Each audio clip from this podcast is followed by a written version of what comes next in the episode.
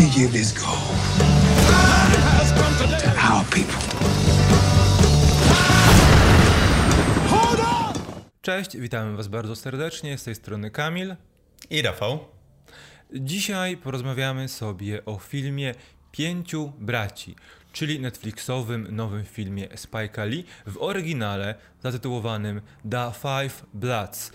Jest to film, kolejny film Spike'a Lee, który produkuje filmy o coraz bardziej większy, o coraz większym rozmachu. Oczywiście wszystkie jego filmy od dawien dawna nacechowane są bardzo mocno społeczno-politycznie. Nie inaczej jest tym razem, aczkolwiek ten film, trwający aż 2,5 godziny, no, jest filmem, który pięknie ułożył.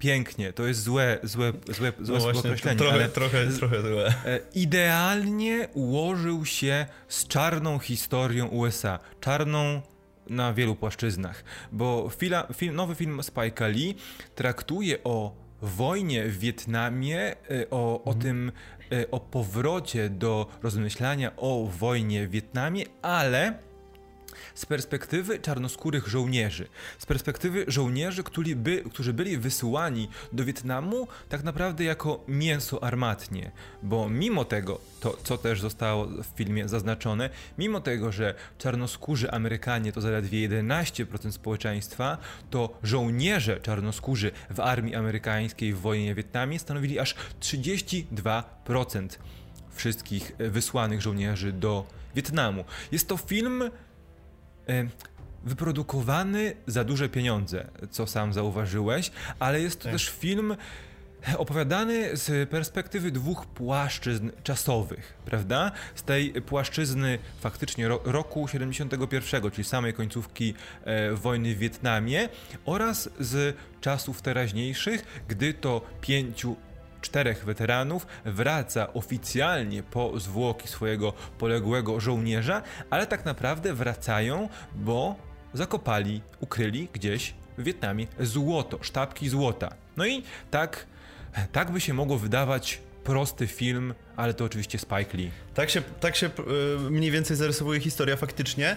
Y, Mamy tutaj mm, film, który y, jest nietypowy dość, no bo można powiedzieć, że jakby wojnę w Wietnamie mieliśmy już na kilka ładnych sposobów przedstawioną w kinie, natomiast y, z tej perspektywy właśnie osób czarnoskórych, którzy byli tam, y, którzy tak naprawdę walczyli za prawa, których nie mieli, y, tak naprawdę tej perspektywy ja przynajmniej nie kojarzę w kinie, żeby była. Je- Jeżeli, jeżeli są jakieś filmy, które poruszają tą tematykę, to, to mnie poprawcie w komentarzach.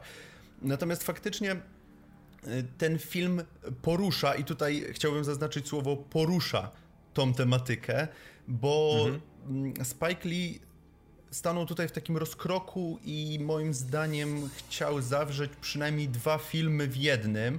E, Pierwszy film to jest właśnie film taki ala mający mm, takie cechy kina przygodowego, gdzie mamy faktycznie tych czterech kumpli, którzy zakopali gdzieś kiedyś, którzy muszą wrócić teoretycznie po ciało swojego dowódcy, a tak naprawdę mają w tym ukryty cel i y, jadą do Wietnamu na poszukiwania skarbu tak naprawdę. No i mamy ten, y, ten vibe taki przygodowy, gdzie oni faktycznie chodzą po tej, y, po tej dżungli, mają różne przygody.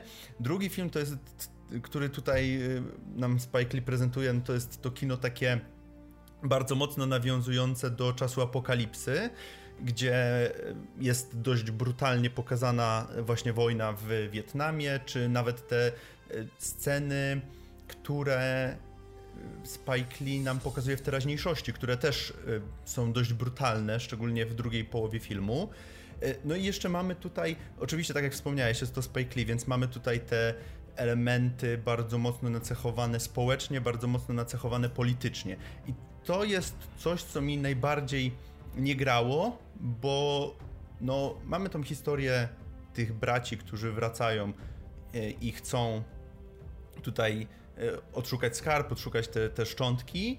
E, Mamy ich retrospekcję, no to jakoś się w pewien sposób łączy, ale Spike Lee tutaj nam wrzuca cały czas w przerywniki związane z historią osób czarnoskórych, tą nowo, bardziej nowoczesną hi historią czarnoskórych osób w USA, gdzie mamy archiwalne nagrania Martina Luthera Kinga, czy jakieś protesty w latach 60. w USA.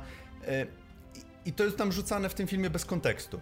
Nie, nie wiem, czy się ze mną zgodzisz, ale faktycznie bardzo często to wybija cię z tej historii, na której chciałbyś się skupić, a nie możesz, bo cały czas jesteś wytrącany z e, jak, jakimś jakimiś rzeczami, którym, które Spike Lee tutaj wrzucił, żeby, no, które są oczywiście ważne bardzo i, i warto o tym mówić, jednak przez to, że e, mamy tutaj e, taki miszmasz po prostu wszystkiego, to żaden z tych elementów, o których wspomniałem, nie wybrzmiewa dobrze w tym filmie. Ja mam wrażenie, że Spike Lee bardzo długo szukał tematu, e, który mógłby właśnie połączyć, w którym mógłby połączyć historię. E, jakąś taką bardziej historię akcji, e, nadać jej sznyt właśnie takiej powrotu, powrotu po latach do jakichś wydarzeń i jednocześnie połączyć to właśnie z historią społeczności osób czarnoskórych, bo oczywiście pięknie mu się udało połączyć to, że wojna w Wietnamie to lata 61-71, e, co oczywiście też jest powiązane w historii USA z Civil Rights Movement, e, z właśnie z Martinem Lutherem Kingiem, z jego zabójstwem, też z, z wszystkim, z Czarnymi Panterami i tak dalej, i tak dalej. Więc ja mam wrażenie, że on celowo wybrał te dwa tematy i chciał je połączyć w sposób, e, przynajmniej ten sposób właśnie akcji, którego jeszcze w kinie nie widzieliśmy, prawda? Bo rzadko kiedy opowiada się o wyłącznie o mm, plutonie złożony, złożonym z czarnoskórych żołnierzy. A nawet jeśli się opowiada, to bardziej opowiada się to w kontekście II wojny światowej i tego, jak no jak tam byli tacy żołnierze traktowani, mhm. mimo że byli żołnierzami e, alianckimi i tak właściwie oswobadza, oswobadzali dużą część świata. To jest coś niesamowitego, bo tak naprawdę też w kontekście historycznym zestawieni zostają zmarginalizowani czarnoskórzy, wysłani na front, którzy wiedzą, że walczą tak naprawdę po złej stronie już w tym momencie i muszą mierzyć się z, kolej, z kolejnym tłamszonym narodem i tłamszoną społecznością, czyli e, Wietnamczykami z południa, tak? Wietką, kto tak. był północ czy południe? Chyba południe. południe. Więc jakby e, widzimy dobrze, że ja widzę, widzę wyraźnie, e, jak o co chodziło Spike'owi Lee e, w kontekście zestawienia czarnoskórego y, plutonu, y, w, osadzonego, rzuconego w wir, w wir przegranej już wojny w Wietnamie. I jak ten marazm przerzuca się e, z jednej i z drugiej strony i jak on, co on robi też z, z głowami tych postaci, bo one, to jest czysty syndrom weterana, czysty syndrom PTSD, kiedy od tej wojny minęło już prawie 50, od końca tej wojny minęło 50 lat, a oni nadal żyją tą wojną. Żyją wszystko, całym tym złem, które się wydarzyło, całym tym złem, które wyrządzili i nie potrafili po powrocie do domu ułożyć sobie życia. Żaden z nich chyba nie potrafi sobie ułożyć życia, prawda? Bo e, Eddie mimo tego, że miał firmę, to wszystko stracił. E, Paul odrzucił syna, bo obwiniał się za śmierć tego piątego brata, po, po którego zwłoki przybywają. Otis też nie wyglądał na. E, przepraszam, Melvin. O Eddie, Eddie, to jest, Eddie to jest ta postać, o której wiemy najmniej.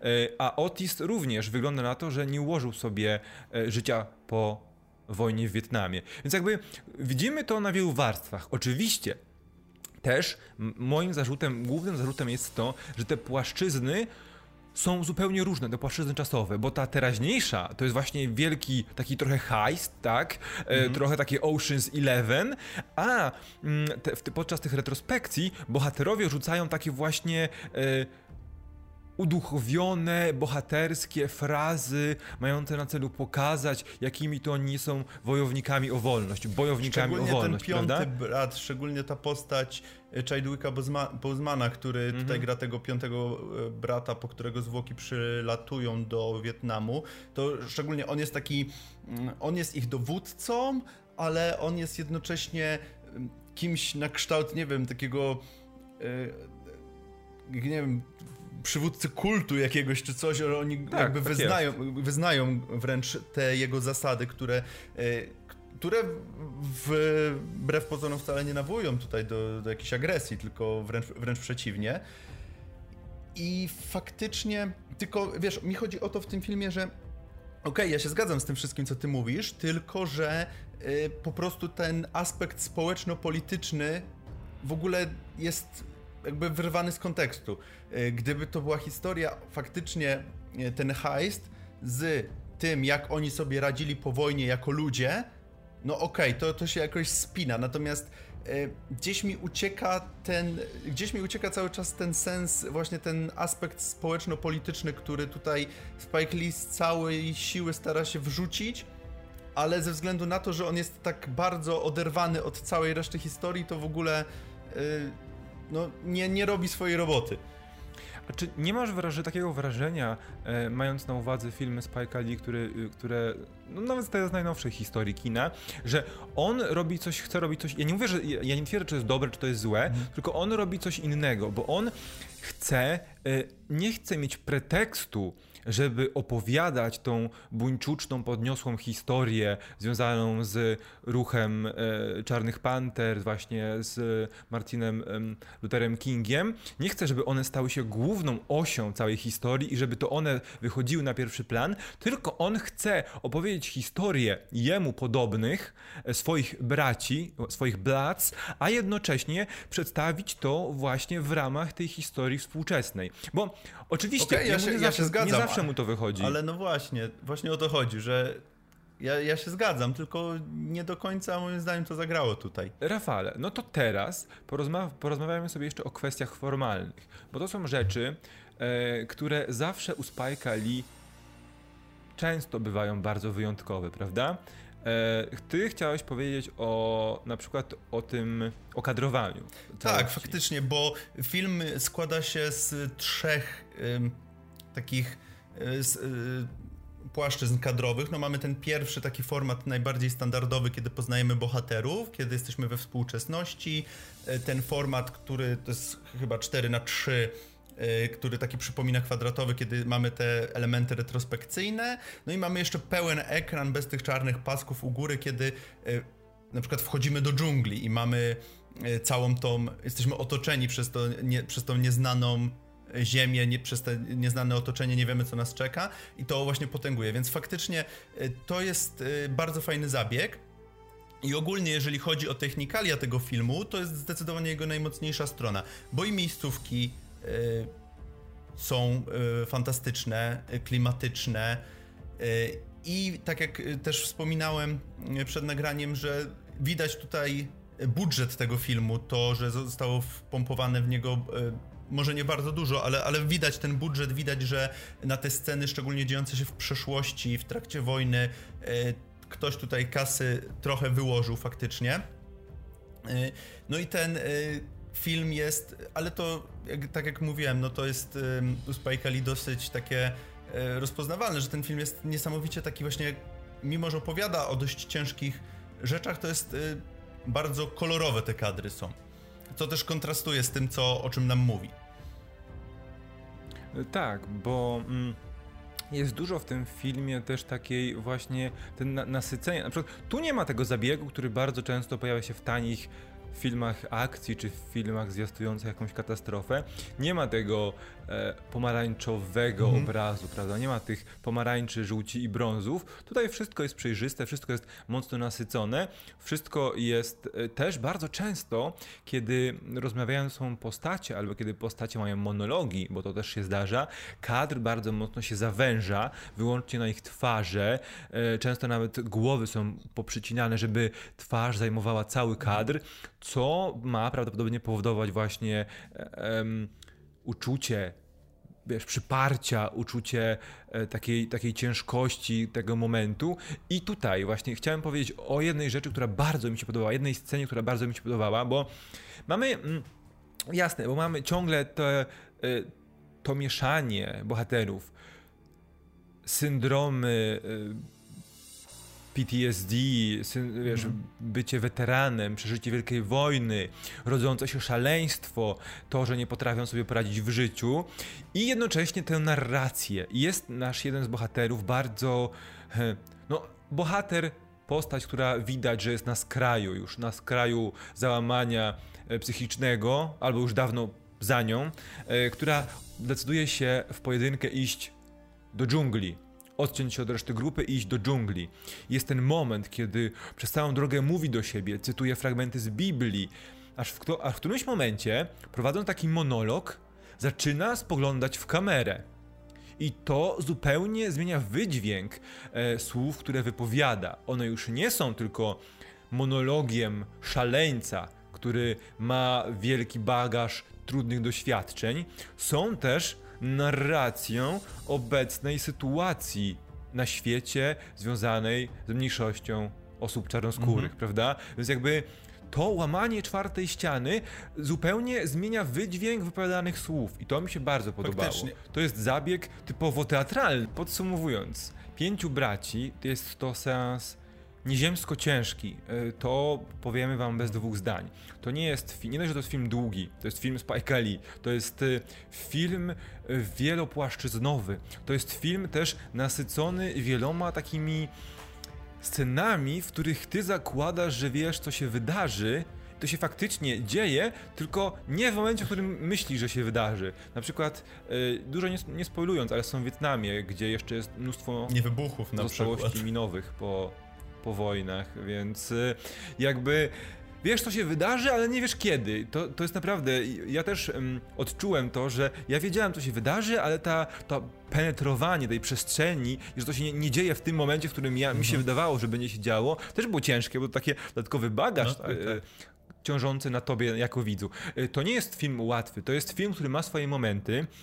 To jest film opowiadający ciekawą historię, e, który próbuje zweryfikować pewne rzeczy też historyczne przez pryzmat upływającego czasu, ale to też jest film mający sporo mm, problemów, które sprawiają, że na pewno nie można go stawiać e, w grupie najlepszych filmów tego roku, mimo że ten rok nie jest wcale obfity w te nowości filmowe. No niestety. E, ja nawet pokusiłbym się o stwierdzenie, że nie, nie można go stawiać wśród najlepszych filmów Spike Lee, bo y, faktycznie ten reżyser miał wzloty i upadki, ale jest, jest kilka filmów, które zdecydowanie bardziej bym jego polecił.